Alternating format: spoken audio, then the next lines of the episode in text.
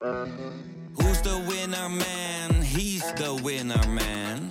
Is hij miljonair? Geen idee, maar nou en. Je hebt geen jackpot nodig to be a winner man. Oh oké, dat is wel lekker man.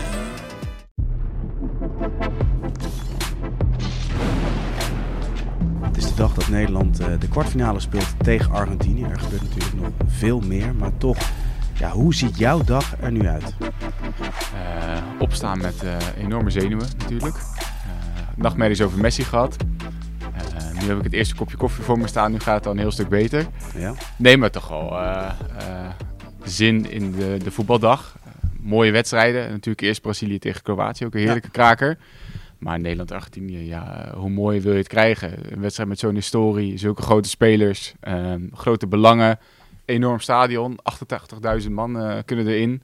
Volgens mij zijn 87.000 eh, Argentijns vanavond, maar eh, dat maakt niet uit. Het wordt volgens mij een heel mooie pot, dus daar heb ik wel heel veel zin in. Over grote spelers gesproken. Jij gaat vanmiddag zelf nog even langs bij een grote trainer. ja, ja. Ik ga maar even op bezoek op, bij Dick Advocaat. Werd gisteren nog genoemd door eh, Van Gaal op zijn persconferentie als iemand die, eh, die nog vier jaar langer was doorgegaan. Eh, nee, mooi. Zijn project bij ADO is wel leuk om te volgen. Ja. Ehm, ze beginnen natuurlijk op een dieptepunt, dus het kan bijna alleen maar beter gaan. En het begint voor hem zondag in Almere, in het Almere City Stadion. En we gaan er vanmiddag even op vooruitblikken. Leuk, uitstekend. Nou, wij gaan Ja. beginnen met de eh, eerste kwartfinale. Die gaat tussen Kroatië en Brazilië. En ik wil het met jou vooral hebben over de slag om het middenveld. En Ja. en, ja hoe kijk jij daarnaar? Zie jij ook de Kroaten met, met de Kroaten? Ja, dat zijn in die zin ja, de beste middenvelders.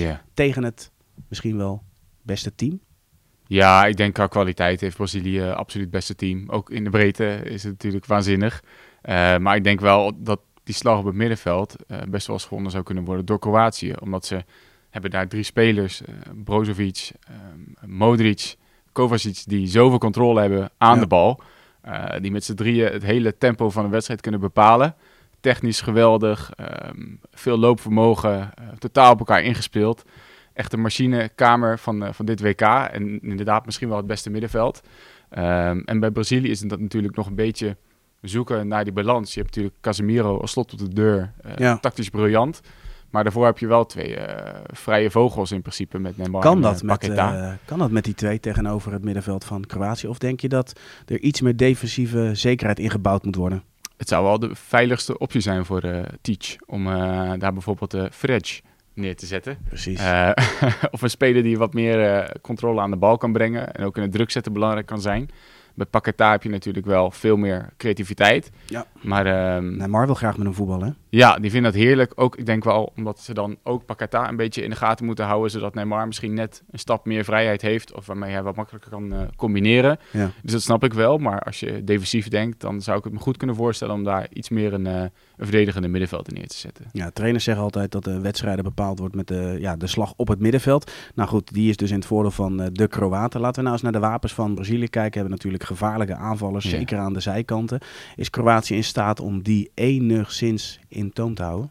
Ik denk het niet eigenlijk. Ehm, ik denk dat Brazilië gewoon veel te veel kwaliteit heeft. En eh, ook omdat ze op zoveel man- verschillende manieren eigenlijk kunnen scoren. Eh, ze kunnen wat verder terugzakken en dan gok op de counter met Vinicius. Ja. Ja, als je die ruimte geeft, dan, dan ben je klaar. Eh, maar als je helemaal terugzakt en eh, je geeft Brazilië de bal, dan hebben ze ook zoveel creativiteit dat ze er ook doorheen kunnen komen.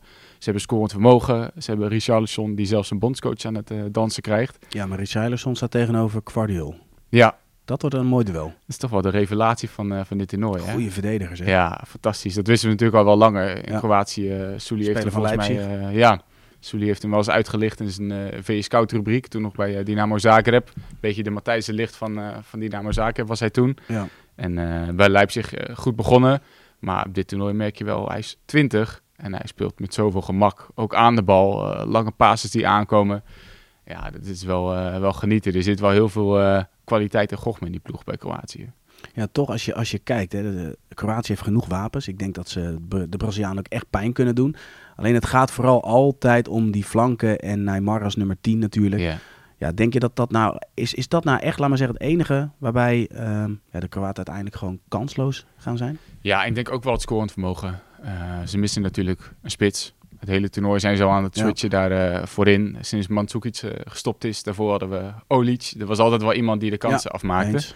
En nu eh, mis je dat wel heel erg. Eigenlijk hebben ze alles. Ze hebben op de flanken creativiteit. Eh Perisic speelt een fantastisch toernooi. Altijd op de toernooien. Altijd goed op, op het toernooi. Hij kan ook alles, Perisic. Links en rechts, tweebenig. op elke positie. In de lucht kan hij kan goed koppen. Goed afstandsschot. diepte. Maar ja, iemand die, die de bal dan binnenprikt, dat missen ze eigenlijk een beetje. En dat moet dan komen van eh, buitenkantje voet, Luka Modric misschien. Eh, dus het kan altijd, maar ik geef Brazilië wel veel meer kans. Oké, wat is je voorspelling? 3-1. Eh, nou, eh, mijn WK-pool gaat niet geweldig, maar ik ga toch eh 3-1 zeggen voor de Brazilië. Oké, Ja. dan gaan we naar de andere kwartfinale. Ook niet onbelangrijk, die tussen Nederland en Argentinië. Het gaat heel veel over hoe gaan we Messi stoppen. Daar gaan wij het niet over hebben. Oh. Ik wil het met jou hebben over ehm, nou ja, de, de, de penalties. Ik bedoel, Van Gaal is daar heel erg mee bezig. Jij hebt Ja. zelf een, een verhaal eh, opgeschreven rondom de doelman van de Argentijnen. Ja. Want die heeft zich ook wel redelijk voorbereid op strafschoppen. Ja, ja, dat is echt de penalty killer, hè? Dat is een Ja. serieuze penalty killer. Ja, Vergeleken met eh, Emiliano Martinez, waar we het over hebben, is Tim doelman Krul nog een... eh, Aston Villa. vergeleken met hem is Tim Krul nog een lievertje eigenlijk, hè? Met de, met de penalty reeks. Ja. Hij, hij kiest voor de agressieve aanpak. Dat hebben we eh, vorig jaar kunnen zien op de Copa America. Ook omdat het toen nog in eh, lege stadions werd gespeeld. Eh, toen moest Argentinië strafschoppen nemen tegen Colombia. En nou ja, toen kon je mooi horen wat hij dan zei tegen, tegen de nemers. En dat was vrij agressief. Ehm, echt schreeuwen van ik eet je op en, en je bent nerveus en ik weet waar je gaat schieten. En je zit te lachen omdat je het niet weet. En helemaal in je hoofd kruipen. Maar hij heeft natuurlijk het, postuur eh, en de lengte en de, de eh, explosiviteit om heel snel die hoek in te zijn. Ja. Ehm, dus dat is echt zijn specialiteit geworden de afgelopen jaren. Hij stopte dat toernooi ook een penalty van eh, Arturo Vidal, die echt snoeihard in de hoek was geschoten. Maar hij was er zo snel bij dat hij hem alsnog had. En het mooiste moment vond ik nog wel kort daarna in de Premier League... dat Bruno Fernandes op een vol Old Trafford in de 93ste minuut een penalty kreeg. Met het hupje? Nou, dat deed hij. Hij had volgens mij al drie jaar geen penalty gemist. Ehm, maar Martinez wist, hij doet altijd dat hupje. Dus ik moet hem uit zijn routine zien te halen. Dus hij is twee minuten lang alleen maar gaan schreeuwen dat Ronaldo die penalty moest gaan nemen. Zo, waarom neemt Cristiano die penalty niet? En alleen maar door blijven gaan en door blijven gaan. En uiteindelijk ehm, deed Fernandes geen hupje en schoot hij hem huishoog over. En zo kruipt hij in je hoofd. En ik denk wel dat Oranje er rekening mee moet houden dat er, nou ja, laten we zeggen 60.000 Argentijnen in het stadion zitten. Die gaan fluiten, die gaan schreeuwen.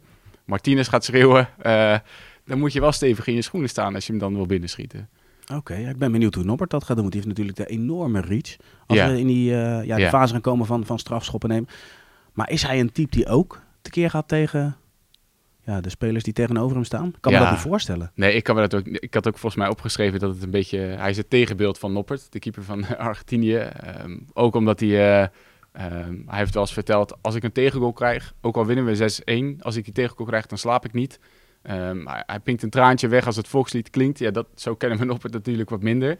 Ja. Maar ik denk dat zou bij hem natuurlijk een kracht kunnen zijn, dat hij zo nuchter blijft en zich gewoon geconcentreerd ehm, op, op zijn voorbereiding. Hij weet hoe die nemers gaan schieten. En bij Martinez is het een gevaar dat hij misschien wel te emotioneel is. En ook tijdens wedstrijden het zichzelf zo aantrekt dat hij ook in zijn eigen hoofd gaat vastzitten. Daarom spreekt hij Ja. ook met een eh, psycholoog.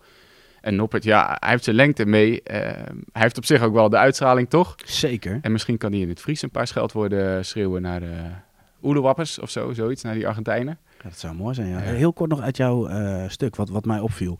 De tuin van Martinez. Hij Ja, heeft daar een doel neer laten zetten Ja. op, op ware grootte.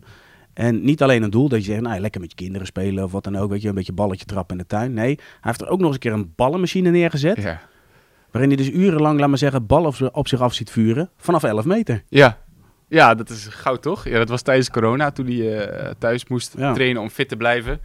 Heeft hij eerst nog even geprobeerd met zijn vrouw, die, die de ballen naar hem toe moest gooien. Maar dat, eh, dat ging niet heel geweldig. Schot hij die ook verrot? Eh, dat weet ik niet, dat weet ik niet. Misschien wel, Ja. toch tussen de oren kruipen. Ja. Ik eet je op. ja. Ja, dat zou wel mooi zijn. Maar eh, nee, uiteindelijk geprobeerd, dat werkte niet zo goed. Dus toen heeft hij gewoon zo'n ballenmachine aangeschaft. En dan moest hij dan de bal in laten eh, nou, inleggen. En die wordt Oh, ze had wel een rol. geschoten. Ze had wel een rol, zeker. Ja, je moet toch eh, het een beetje samen doen. ja. Maar zijn, eh, zijn zoontje of zijn dochtertje, die mocht dat dan ook af en toe eh, doen. Gewoon die bal erin leggen. En ja, dan blijf je fit. En uiteindelijk heeft dat wel eh, geholpen aan zijn uiteindelijke doorbraak. Want hij heeft tien jaar op de bank gezeten bij Arsenal. Ja. En toen is hij pas eh, doorgebroken. Interessant. Nou, we gaan het volgen. Wij gaan door naar het meest gelezen item op vi.nl. Uh, er is een nieuwe bondscoach uh, bij uh, de Spanjaarden, maar er is ook een nieuwe technisch directeur Ja. en een oude bekende. Ja, Albert Loeken. Albert Loeken. Ja, kennen we hem nog? Ajax, Deportivo, Ja. mooi linkerbeen. Ja. Is in Amsterdam niet altijd uitgekomen? Nee. Nee, het was natuurlijk een beetje een fiasco. Volgens mij eh 2007, 2008. Ja. Ehm, Ja, in Amsterdam niet de beste reputatie, denk ik. Maar eh, ja, mooie job voor hem. En ik denk vooral omdat het zo goed werd gelezen van eh, de herkenning van Albert Loeken, wat, wat het oproept bij, bij veel mensen. Ja, Ik heb net nog even opgezocht. Vier goals voor Ajax in 16 wedstrijden. oké. Dat vind ik nog niet tegenvallen eigenlijk. Ik had een heel ander beeld, eh, ander beeld ervan. Ja, hij heeft er niet zo lang gespeeld natuurlijk. Nee, nee hij is meteen weer weggegaan. Ja. Ja, hey, maar ehm, ja, ze willen daar, wat het, het grappige is, Molina, daar heeft hij ook mee gespeeld bij Deportivo eh, La Coruña.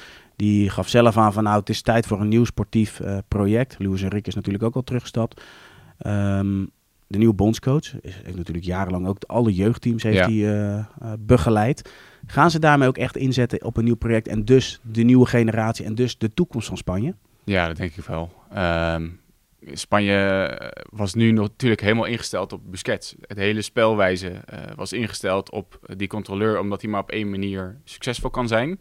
En op die manier is hij misschien wel nog een van de beste middenvelders ter wereld. Maar zodra je iets anders gaat spelen, dan komt hij niet meer in zijn kracht. En ik denk dat dit een moment is om van hem afscheid te nemen. En eh, de jonge spelers die ze natuurlijk meer dan genoeg hebben, eh, wat meer naar voren te schuiven. Eh, dat heeft Luis Enrique natuurlijk ook al heel veel gedaan. Hè? Want ze speelde al met Gavi en Pedri. Ja, precies. Ehm, maar ik denk een frisse wind, even een nieuwe koers is wel verstandig. Want dit toernooi was Spanje natuurlijk wel heel sterk. Maar het was ook wel heel erg veel eh pasen en heel weinig afmaken. Absoluut. Ik denk eh, dat ze misschien iets directer moeten gaan spelen. Zeker met interlandvoetbal is dat toch wel succesvoller. Ja, zeker. Dan gaan we naar het laatste onderdeel, het meest gelezen item op eh, VE Pro. Gaan we niet te diep op in.